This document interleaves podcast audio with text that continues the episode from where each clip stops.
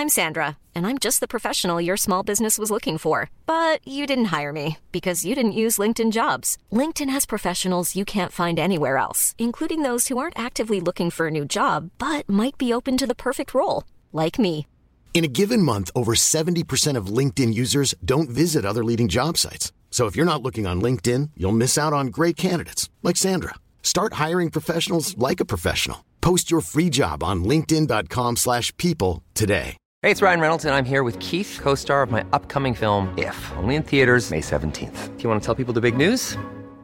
All right, I'll do it. Sign up now and you'll get unlimited for $15 a month in six months of Paramount Plus Essential Plan on us. Mintmobile.com slash switch. Upfront payment of $45 equivalent to $15 per month. Unlimited over 40 gigabytes per month. Face lower speeds. Videos at 480p. Active Mint customers by 531.24 get six months of Paramount Plus Essential Plan. Auto renews after six months. Offer ends May 31st, 2024. Separate Paramount Plus registration required. Terms and conditions apply if rated PG. There's never been a faster or easier way to start your weight loss journey than with PlushCare.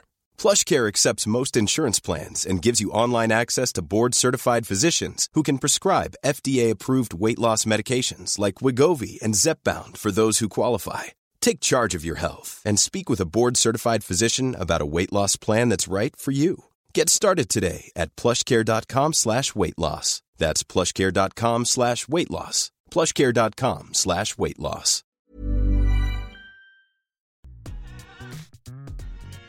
Välkommen till Top of Mind Podcast med mig Ofelia Wistedt. Samtal om marknadsföring, sociala medier och hur du lyckas på TikTok som företag och kreatör. Idag är jag med mig Pim, en riktig veteran på sociala medier som arbetat med allt från egen blogg till Musical.ly som sen blev TikTok. Vi pratar om hennes resa på sociala medier, samarbeten, drömmar och om att våga säga upp sig för att satsa helhjärtat på sociala medier och sin företagsdröm. Pim, välkommen till Top of Mind Podcast! Men tack Ofelia! Så kul att ha dig med! Ja det är faktiskt jätteroligt att vara här. Hur är läget? Det är bra. Jag har precis vabbat i en hel vecka. Jag tänkte säga det, jag såg att du har varit sjuk. Ja.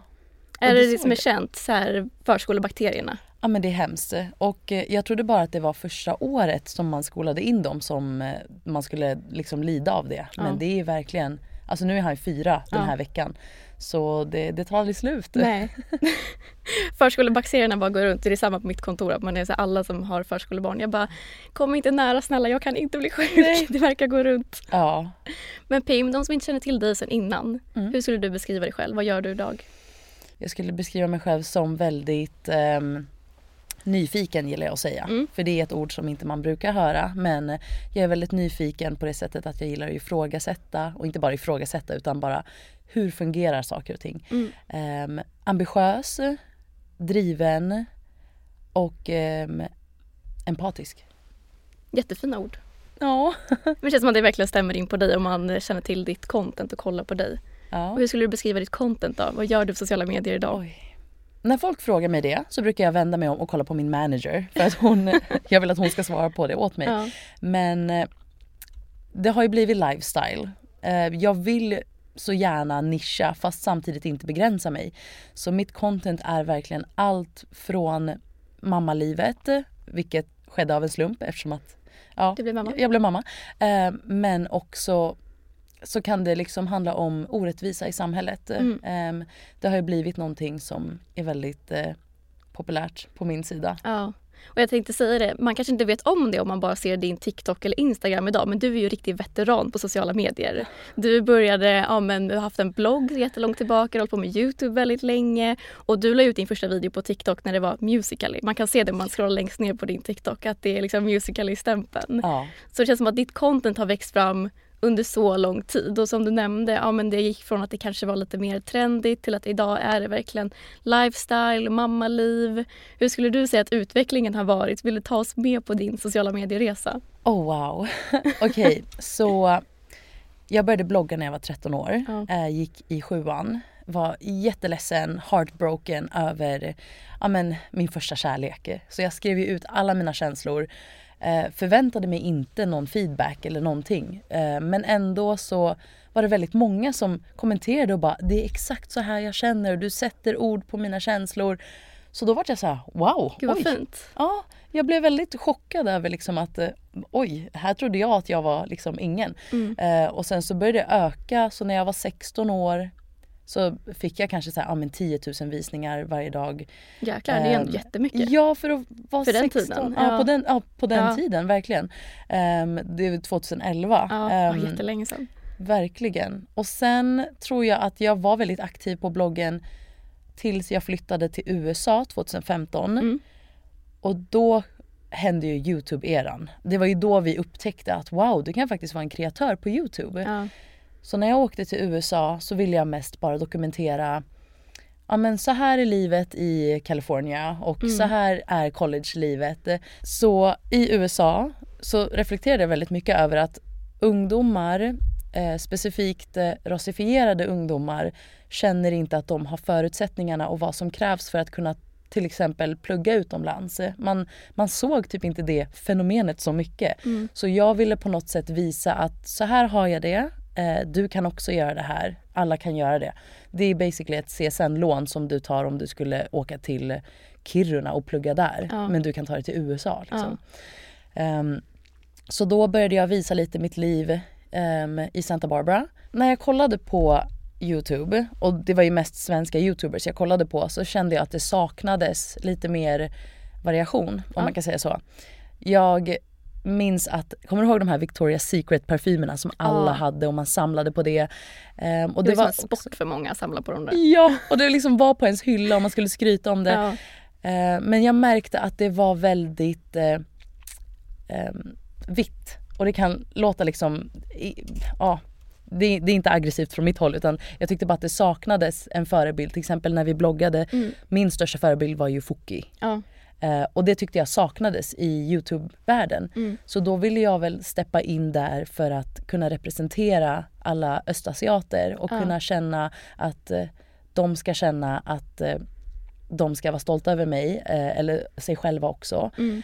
Men även att eh, jag tror att väldigt många ungdomar som specifikt bor i förorten, men inte bara de som bor i förorten, de kände väl kanske att de inte kunde relatera till den livsstilen som ehm, barn i Sverige har. ehm, med att ja, men, se ut på ett visst sätt eller ha föräldrar som jobbar med en viss eh, sak eh, Ja. och ha den livsstilen. Så jag ville väl komma in och inte så mycket visa på så här mycket pengar fick jag i julklapp eller de här sakerna. Liksom det materiella och ehm, jag ville helt enkelt bara minska ångesten bland, bland rasifierade. Ja, jag tänkte säga det, det känns som att just den bloggeran, så Foki hon var den enda som inte var liksom kanske vit innerstadstjej på det sättet. Ja. Och det känns som att mycket på den tiden var ju också mycket fokus på som du säger materiella ting. Man var ute och festade, hängde med kompisar. Så Alltså en grej och saker som för många inte är relaterbart alls. En vardag som är långt ifrån många andra. Mm. Det känns som en väldigt fin start på ditt content att känna så här, men shit, jag måste, ju- det måste finnas någon annan än jag som kanske inte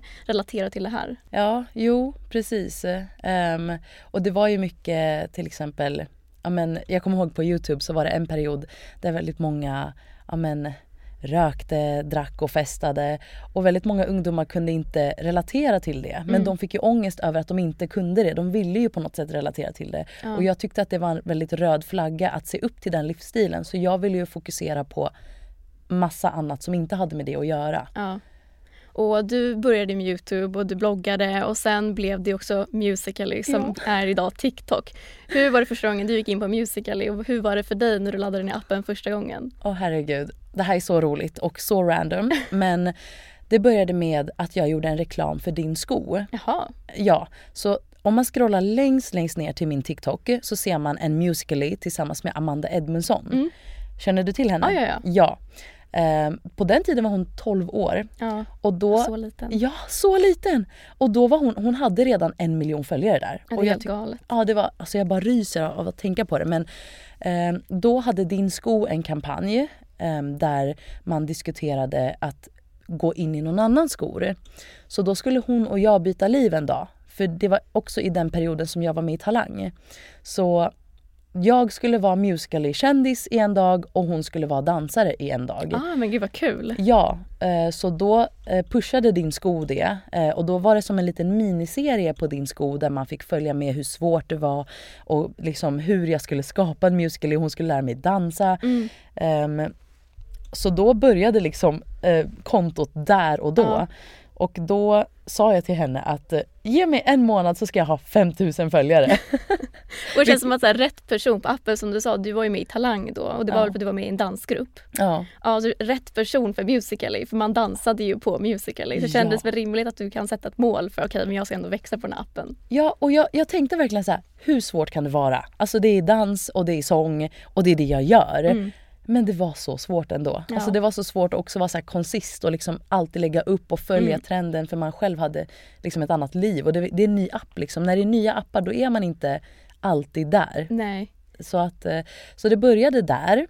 Och sen så kunde jag väl lägga upp för då i och med det, jag tror att året efter så kom min son. Mm. Och jag var ensamstående. Och i och med att jag var ensamstående så fanns det ingen tid till att vara på mobilen. Nej. Det var liksom fullt ös på min son, amma och ta hand om honom. Eh, och det är det som skiljer mig från många andra mammor tror jag. För vissa idag som man ser som är stora profiler, de har ju tid för att lägga upp saker för att de har någon som redigerar åt dem. Och jag hade inte det på Youtube eller någon annan plattform. Ehm, men då mötte jag upp Daniel Norlin och Restar. Ja.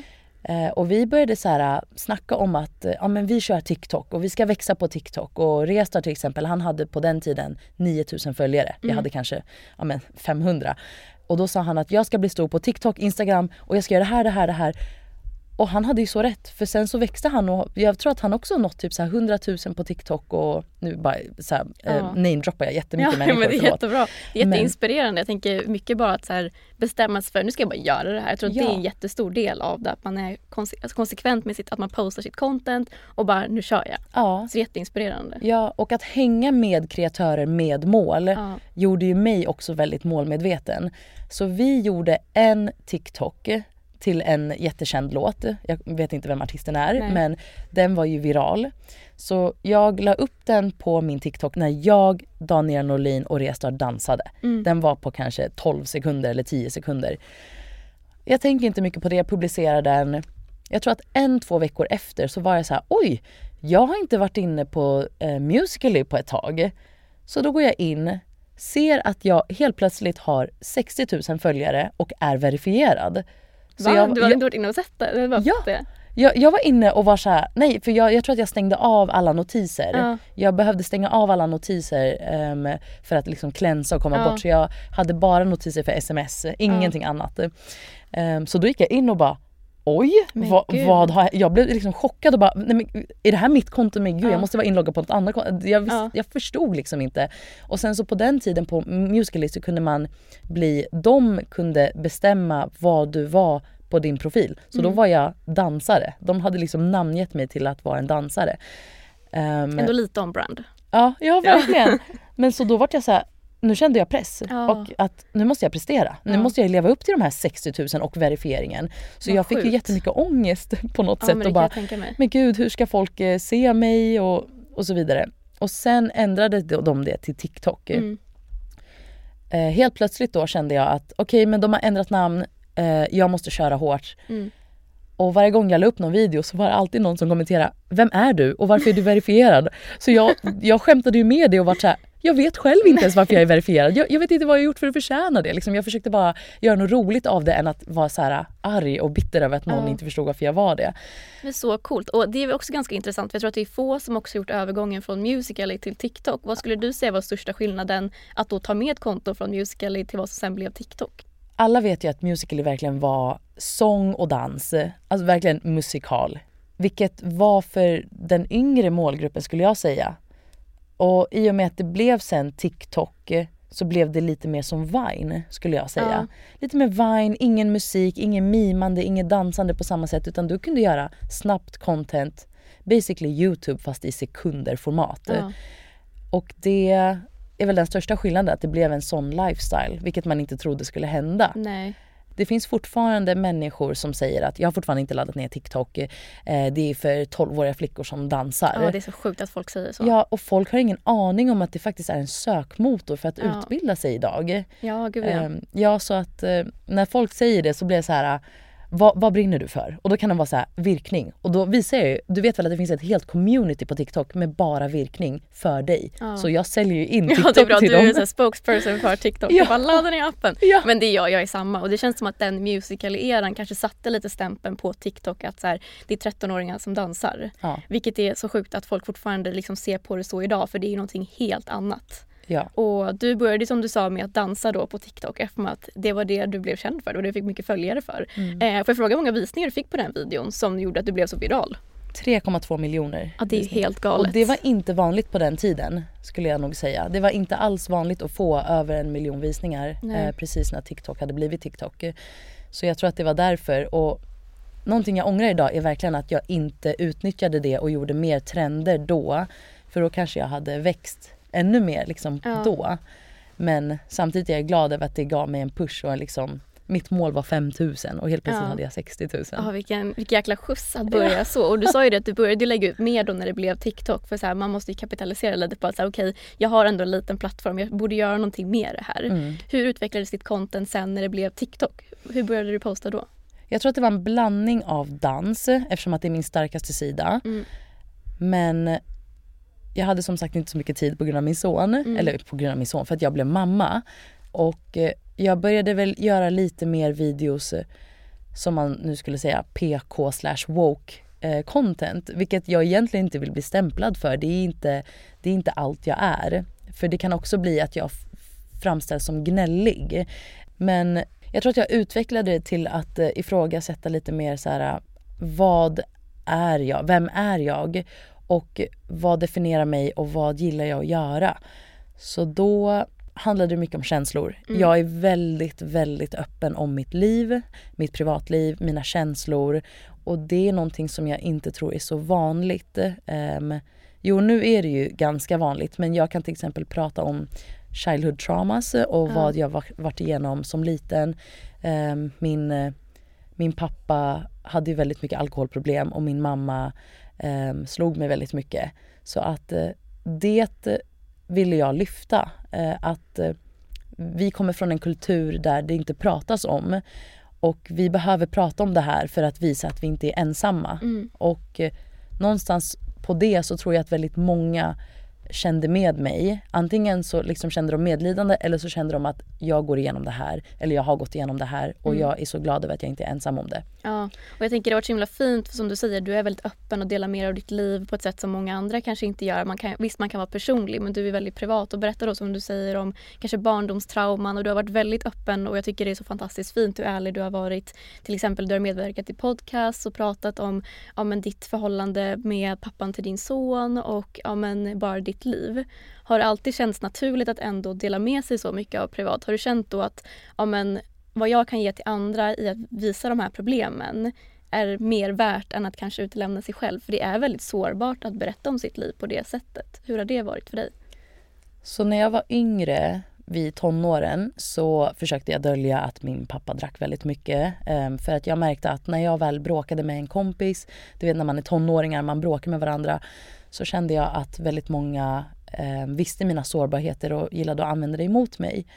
Så någonstans läste jag att, eh, eller så var det någon profil jag såg som också var jätteöppen med sina problem. Ja, ah, jag har det här problemet, vad ska du göra? Eller det kanske var Eminem som kanske i hans eh, film 8 miles så säger han så här, ja det är sant, så här är mitt liv och så här är mitt liv.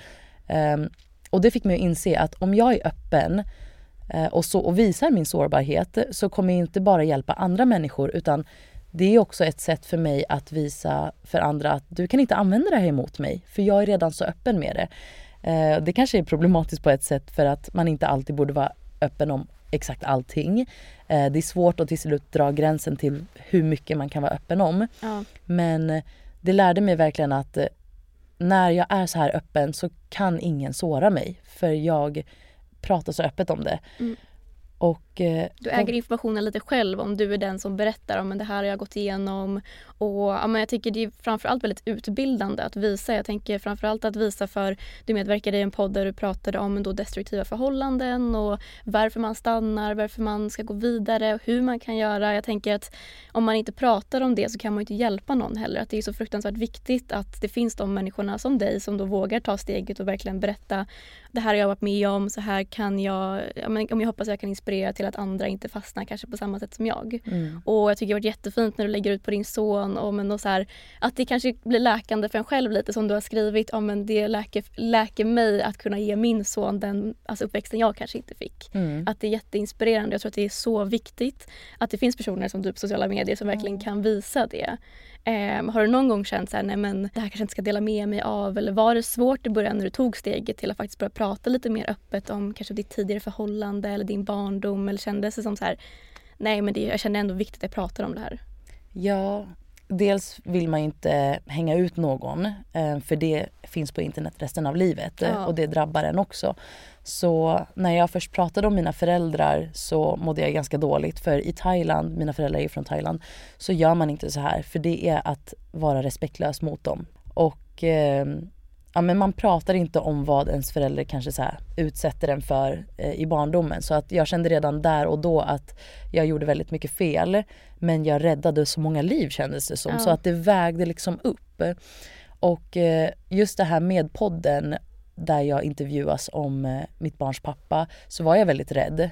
Eh, att till exempel kunna bli anmäld för förtal. Ja. Jag, jag strugglade väldigt mycket med vad som var rätt och vad som kändes rätt och vad som skulle bli fel. Där jag kände att eh, vi är ett community nu um, med många ensamstående mammor som faktiskt följer mig, som får kraft genom det jag lägger upp. Mm. Uh, och många som faktiskt kommer till mig om tips om så här, jag vill lämna, jag blir behandlad så här. Där jag kan berätta min story men det blir ju också så fel för att någon annan svartmålas. Eh, vad händer om min son hör det? Mm. Så att det är liksom konstant en kamp om vad som är rätt och fel. Vissa ja. dagar vill jag ta bort allt och vissa dagar känner jag nej men jag måste ha kvar det här för det här är så viktigt. Mm. Um, så att ja, det är en evig kamp om vad som är rätt och fel. För det, ja. jag tror att det finns rätt och fel i båda. Liksom. Ja. Men jag kan tänka mig att det är svårt och jag såg att du skrev på din Instagram om en, typ för en månad sedan att du var så här, men gud jag går igenom en omstrukturering i mitt liv, jag vet inte hur jag vill fortsätta på sociala medier. Känner du att du har hittat lite så här vägar framåt nu? Hur vill du fortsätta jobba med sociala medier framöver och vad skulle du säga är drömmålet med dina kanaler? Åh oh, gud, min anledning till varför jag vill växa är inte direkt för att leva det här äh, influencerlivet. Jag, jag, alltså om de frågar mig, är du en influencer? Så säger jag aldrig nej. nej, nej. Jag, jag säger aldrig ja. ja. Jag, säger aldrig, alltså, jag skulle aldrig någonsin få för mig att bara, jag är en influencer. För att alltså, mm. ja. Kreatör låter bättre tycker ja, jag att säga. jag brukar säga så här, jag jobbar med sociala medier. Mm. Um, jag vet inte ens om jag förtjänar ordet kreatör liksom. För att jag tycker jo. att de, ja kanske i och för sig. Men uh, Eh, jag brukar bara säga att jag jobbar med sociala medier men jag tror att anledningen till varför jag vill växa, mitt mål från början har ju alltid varit att hjälpa människor, att visa att det finns ett annat liv utanför det västerländska och etniskt svenska livet med blonda blåögda som bor inne i stan. Mm. Det största målet är också att hjälpa människor mm. och göra välgörenhet. Mm. Det är egentligen mitt största mål. Jag vill kunna växa för att kunna ge tillbaka det jag får. Och det kan låta så klyschigt kanske att säga det men jag vill inte bli känd för att bli ihågkommen utan det är verkligen för att jag um, jag vill kunna resa jorden runt mm. och om det behövs att det byggs en skola i ja, men Kuba eller någonting så vill jag kunna vara där. Mm. Jag vill kunna resa jorden runt för att hjälpa alla som behöver det. Och den insikten kom till mig när jag var 23. Mm. Uh, jag fick så mycket kärlek på min födelsedag och alla liksom gav mig supermycket presenter och mycket så här kärlekshälsningar. Och jag bara grät. Inte för att jag egentligen var supertacksam, vilket jag var. Mm. Men jag grät för att jag förstod att det finns barn ute i världen som typ kanske inte ens vet när de fyller år, som aldrig blir firade. Och så bara grät jag vid den tanken av att barn inte ens får fira sina födelsedagar för att de eh, kämpar för att överleva. Och det drev mig till att så här, jag måste växa för att jag måste få kunna hjälpa till med det. Mm. Det är jätteinspirerande. Jag tror få har den drivkraften och den vinkeln till sitt arbete med sociala medier. Jag tycker det är fantastiskt. Alltså, du är en så himla fin förebild där då hur man arbetar med sociala medier för att kunna faktiskt göra någonting bättre. Jag tycker att alla har ansvar när man skapar sociala medier. Att man, jag brukar ofta prata om det, typ jag som jobbar med marknadsföring, att man, jag som kvinna, du som kvinna, att här, man är ju alltid i ja, men underläge mot en man till exempel. Men mm. jag som då är liksom född i Sverige ser väldigt svensk ut, har ju en andra fördel än många andra. Så att man har ju så stort ansvar i världen, vem man än är, att kunna öppna dörrar för någon annan. Att kunna liksom lösa problemen om man kan, eller göra det man kan i alla fall för att underlätta med problem. Och du jobbar ju också inte bara med sociala medier utan du jobbar ju med det här också på, ja, men, som ditt jobb. Mm. Hur ser en vanlig dag ut för dig? Kan inte du berätta lite mer om det?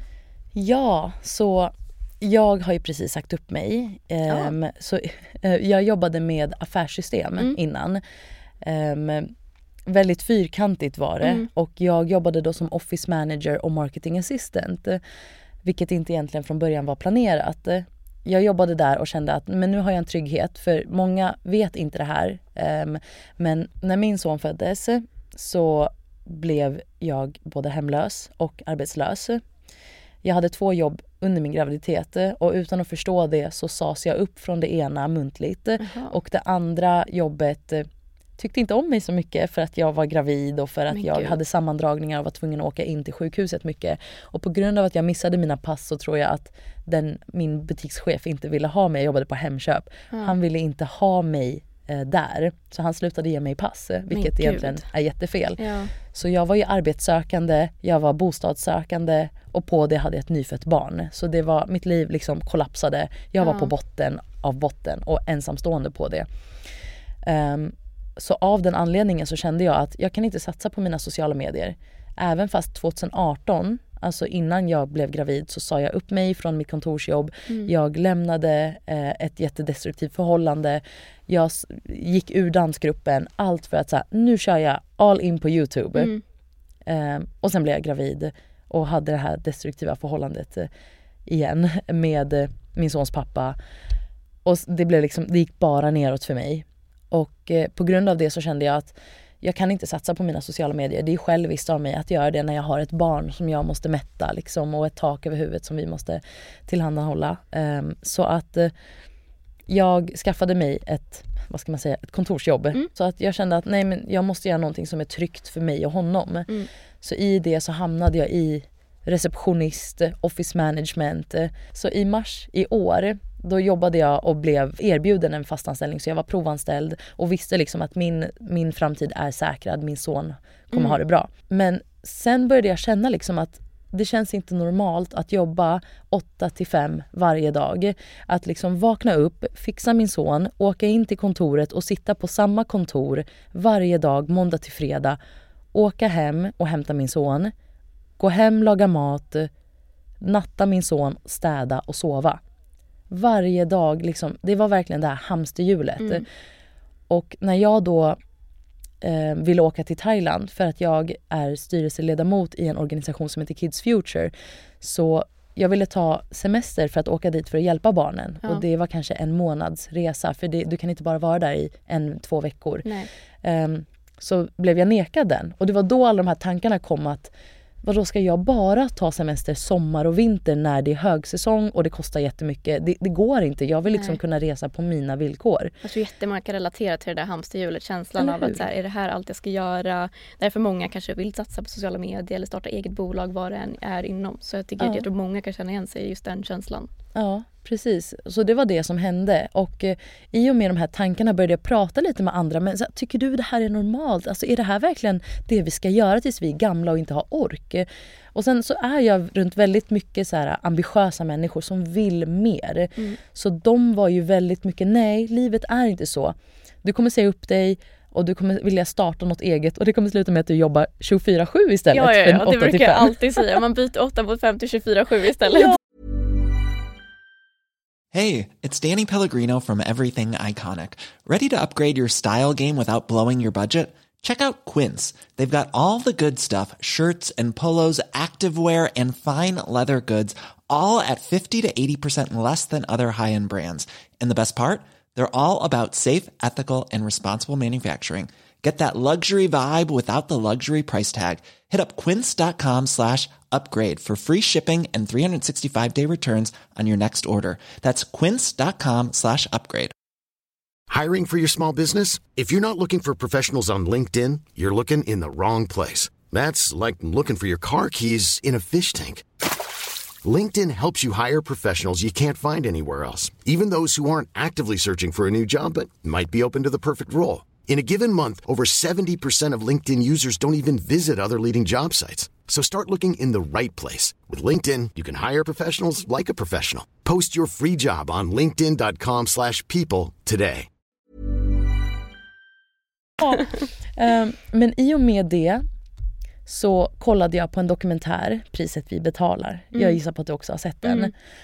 Och då såg jag ju Tilda eh, och fick följa Tildas resa där jag såg Chloe. Mm. Ehm, och så tänkte jag att, ska jag höra av mig till henne? Nej men gud, jag är, jag är för liten för henne. Hon skulle aldrig vilja liksom prata med mig. Vi får säga att det skulle- är din manager som har Ja, förlåt. Chloe är min manager eh, tillsammans med Julia på Ja. Alter Collective. De är grymma. Ja, verkligen. Så att jag såg henne och tänkte, jag måste, jag måste prata med henne. Nej, nej, nej, jag är för liten. Jag har väldigt dåligt självförtroende när det kommer till liksom mig själv. Gud det borde du inte ha. Nej men fina. Nej men så att eh, sen gick jag på ett event eh, och såg henne där. Och så känner jag så här, ska jag, ska jag ta tag i henne? Nej, nej, nej, nej, strunt samma, jag gör inte det. Mm. Så jag går ifrån då och då hör jag liksom hur hon springer efter mig och säger Nej. pim, pim, pim, pim, pim. Gud, vänta, vänta, vänta. Har du manager? Och du vet, alltså jag bara ryser av att tänka på det. Men då säger jag till henne, nej det har jag faktiskt inte men jag har tänkt på det jättemycket. Ja. Så hon säger, får jag snälla ta en kaffe med dig? Och du vet jag, jag blir helt så här: vad är det som händer nu? Liksom. Ehm, så hon drar ju in mig, um, börjar prata med mig och jag känner så här, det är, liksom, det är nu jag får en chans. Gud vad kul. Och efter det så har det ju bara gått upp liksom. Vi har haft möten och hon, ja men, hon har tagit mig under sina vingar tillsammans med Julia och verkligen trott på mig när jag inte ens trott på mig själv. Liksom. Så att eh, det hände och hon frågade mig vad är ditt mål? Och då sa jag att kunna säga upp mig, vara min egna chef, göra min egna grej. Men jag är rädd. Jag vill inte att eh, sociala medier ska vara den som håller fast vid min anledning till att överleva. Um, tar man ner Instagram och TikTok då blir nästan vi alla arbetslösa. Ja, gud, ja. Och det är min största rädsla. Jag vill bara växa och jag vill ha min framtid säkrad för mig och min sons skull. Mm. Och att jobba med sociala medier, du är ju en säljare. Du måste sälja in dig själv. Därför blir det nästan som att du lever på provision. Ja. Ehm, och jag kan inte leva på provision när jag har en son. Nej. Det är det som är skrämmande. Så det är väl lite det. Hur ska jag ta det här vidare? När blir mitt steg till att våga säga upp mig? Mm. Och då kom vi in på att jag är ambassadör för en verksamhet som heter The Good Talents. Och det gör ju Matilda Strömstedt också, Vilda Matilda som gör Wild Mix.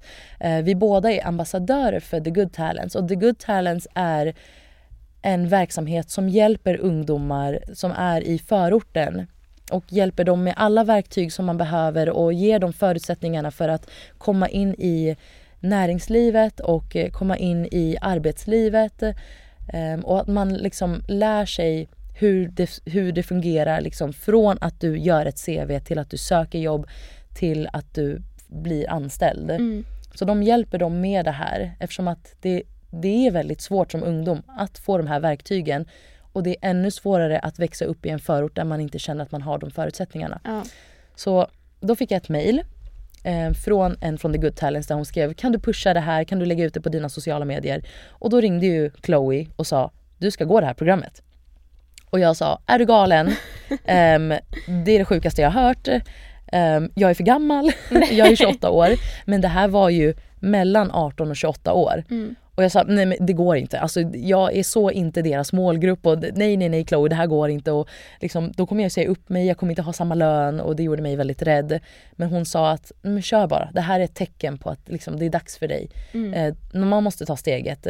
Ehm, så jag gjorde det. Jag, jag sa upp Så mig. spännande. Ja verkligen. Så min sista dag var ju för två veckor sedan på mitt gamla jobb. Och det här programmet jag går heter Business Talent. Mm. Och det är basically att du får en betald praktik. Vilket inte många Otroligt. gör i Sverige. Du Nej. får inte betald praktik. Ehm, så att vi fick två veckors introduktionskurs där vi fick lära oss ja, men, eget företagande och hur man tar lån och vi fick träffa investerare. Alltså vi har träffat väldigt stora makthavare också. Eh, människor som är rektorer på skolor. Eh, där vi fått lära oss också hur klär man sig på kontoret? Det beror på vilket kontor man är på. Mm. Hur ska man bete sig? Vad ska man göra? Och så vidare. Ja. De här två introduktionskurserna började hela em, programmet och nu skickas vi alla ut på en praktik. Och sen har vi 20% där vi ska utveckla vår egna affärsidé. Gud vad kul. Ja, så varje fredag ses vi som grupp och vi älskar vår grupp. Vi är som en enda stor familj och vi längtar till att träffa varandra. Eh, Och det är ungdomar som är liksom, någon bor i Rinkeby, någon bor i Tumba, någon bor liksom inne i stan på Söder. Så att vi är väldigt blandad grupp med ungdomar. Olika etniciteter, olika bakgrunder, olika mål i livet. Mm.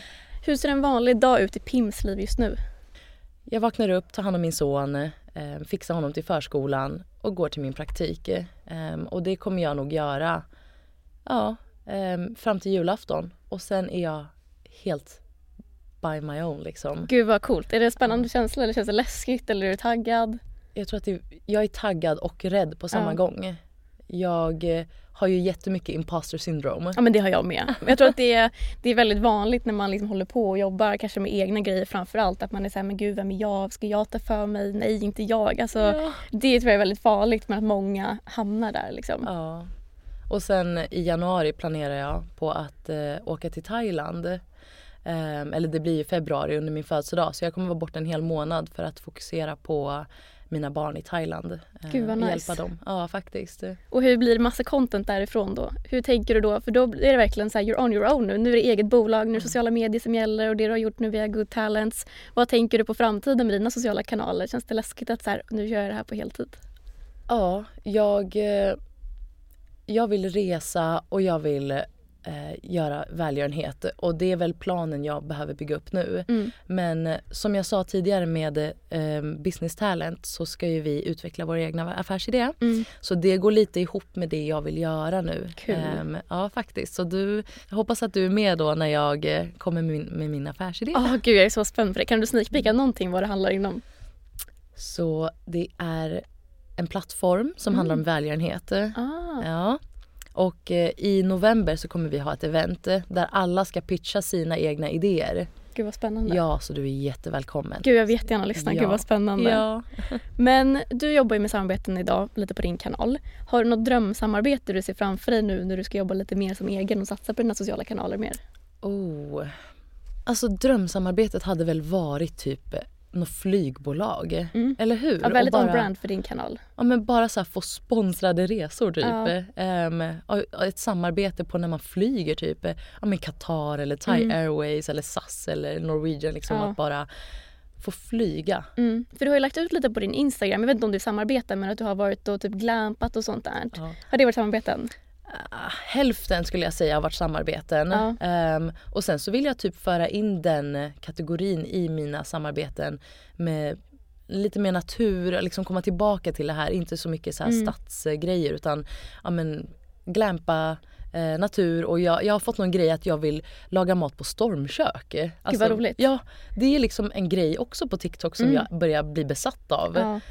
Ja. Och jag tror att det där är världens smartaste grej. Om man känner så här, okej jag vill flytta min kanal lite i en annan riktning. Jag kanske vill göra något samarbete med någonting som jag inte gör idag på min kanal. Mm. Att det är så jäkla smart att börja då kanske som du gjorde nu, glampa. Vilket Mm. öppnar sig upp för, okej du är jätteduktig på att göra bra content runt och glampa. Då kanske företag känner så här, Pim, henne ska vi jobba med när det kommer till glamping. Ja. Så jag tror att det är väldigt smart också om man vill utveckla sin kanal eller kanske flytta sig lite inom sin nisch. Mm. Att visa upp då så här, men jag är duktig på det här, ni borde samarbeta med mig inom Ja. just det här.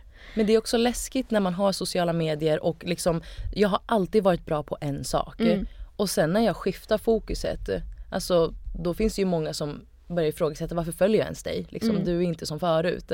Och det är den här konstanta rädslan av att tappa sina följare. Mm. Men jag tror att så här, många följer jag har pratat mycket om att så här, det finns ingen nisch längre utan att man, man själv är nischen. Ja. Vilket gör att om man utvecklar sitt content så folk kommer hänga med för de gillar dig som person. De gillar inte att du har gjort en typ av video. Ja. Och jag tror att det är ganska viktigt att man typ fokuserar lite mer på det. Att, så här, vem är jag? Vad brinner jag för? Mm. För om man inte gör det man om man gör någonting man inte brinner för då kommer det inte hålla i långa loppet ändå. Ingen kommer tycka det är intressant att kolla på dig och prata någonting du inte är intresserad av. Mm. Att det, jag tror det är jätte, jätteviktigt när man skapar content. Ja. Och när Pim scrollar på TikTok, har du några favoriter på svenska TikTok? Så när Pim scrollar på TikTok så kollar hon mest på Dr Tracy. Ja, älskar Ehm, Tracy. Ja, eller hur? Hon har ju varit här också, eller hur? Ja, ja, ja. ja, ja, ja. Ehm, Dr Tracy, TikTok-Frida. Mm, alltså drick varje gång någon säger TikTok Frida. Alltså shoutout till dig Frida. Alltså det, jag tror inte någon har eh, insight Frida. Nej men eller hur? Och eh, Kevin Bang, Mm. min fucking bror. Ja, det är nog dem. Lite så här Ja. humor men också mat. Ja. Ja, nästan allt. Dans, humor och mat. Ja, nice mix. Och eh, avslutningsvis, vad skulle du säga är ditt bästa tips till appen coming kreatörer på sociala medier? Jag skulle säga att mitt bästa tips är att alltid när du är i tvivel på liksom vem du vill vara eller vad du håller på att bli, gå tillbaka in till ditt hjärta och se vad du står för, vad dina grundvärderingar är och vad du vill göra. Ehm, så kommer liksom allting lösa sig självt. Mm. Så att man inte någonstans tappar bort sig. Ehm, för det är ju någonting som verkligen händer många när man när kändisskap slår för snabbt och för hårt. Att man liksom kanske får identitetskris. Man är Ja. inte van vid att gå från att ingen säger hej till att alla känner igen dig. Ja. Och nu ska inte jag prata som om det hände mig. Ehm, jag skulle verkligen inte, jag ser mig fortfarande som en liten kreatör. Ja, men Alltså, det är jag du ju verkligen inte. Tycker du inte det? Du är ju en jättestor kreatör. Alltså, och då jämför jag mig alltid med de som har typ 400 000 eller Ja. över 100 000. Och jag, jag är fortfarande inte nöjd och det är så hemskt också. Det är någonting som är mitt problem. Jag kan aldrig bli nöjd för att någon är såhär, men shit du har 90 000 följare och jag är såhär, mm, fast den där har 400 000. Ja det är ett bra tips. Jämför dig Jag aldrig. tänkte säga, det är väl ett jättebra tips också, man ska inte jämföra sig med Nej. andra. Precis, alltså, och sen om du någonsin känner liksom att gud vad lite människor som följer mig. Tänk dig alla de här människorna i ett rum eller en stadio. Eh, Så man ska liksom verkligen vara humble. Det spelar ingen roll om det bara är du och en följare i det rummet. Det är en följare. Eh, Så försök bara placera alla dina följare i ett rum så kommer du eh, redan där liksom uppskatta det du har. Verkligen. Så bra tips. Pim, tack så mycket för att du var med i Top of Mind Podcast. Tack Ofelia för att jag fick komma.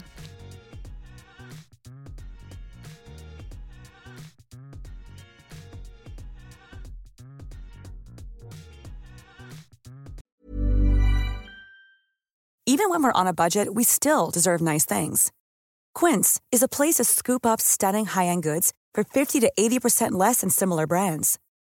They have buttery soft cashmere sweaters starting at $50, luxurious Italian leather bags, and so much more. Plus, Quince only works with factories that use safe, ethical, and responsible manufacturing. Get the high-end goods you'll love without the high price tag with Quince. Go to quince.com slash style for free shipping and 365-day returns.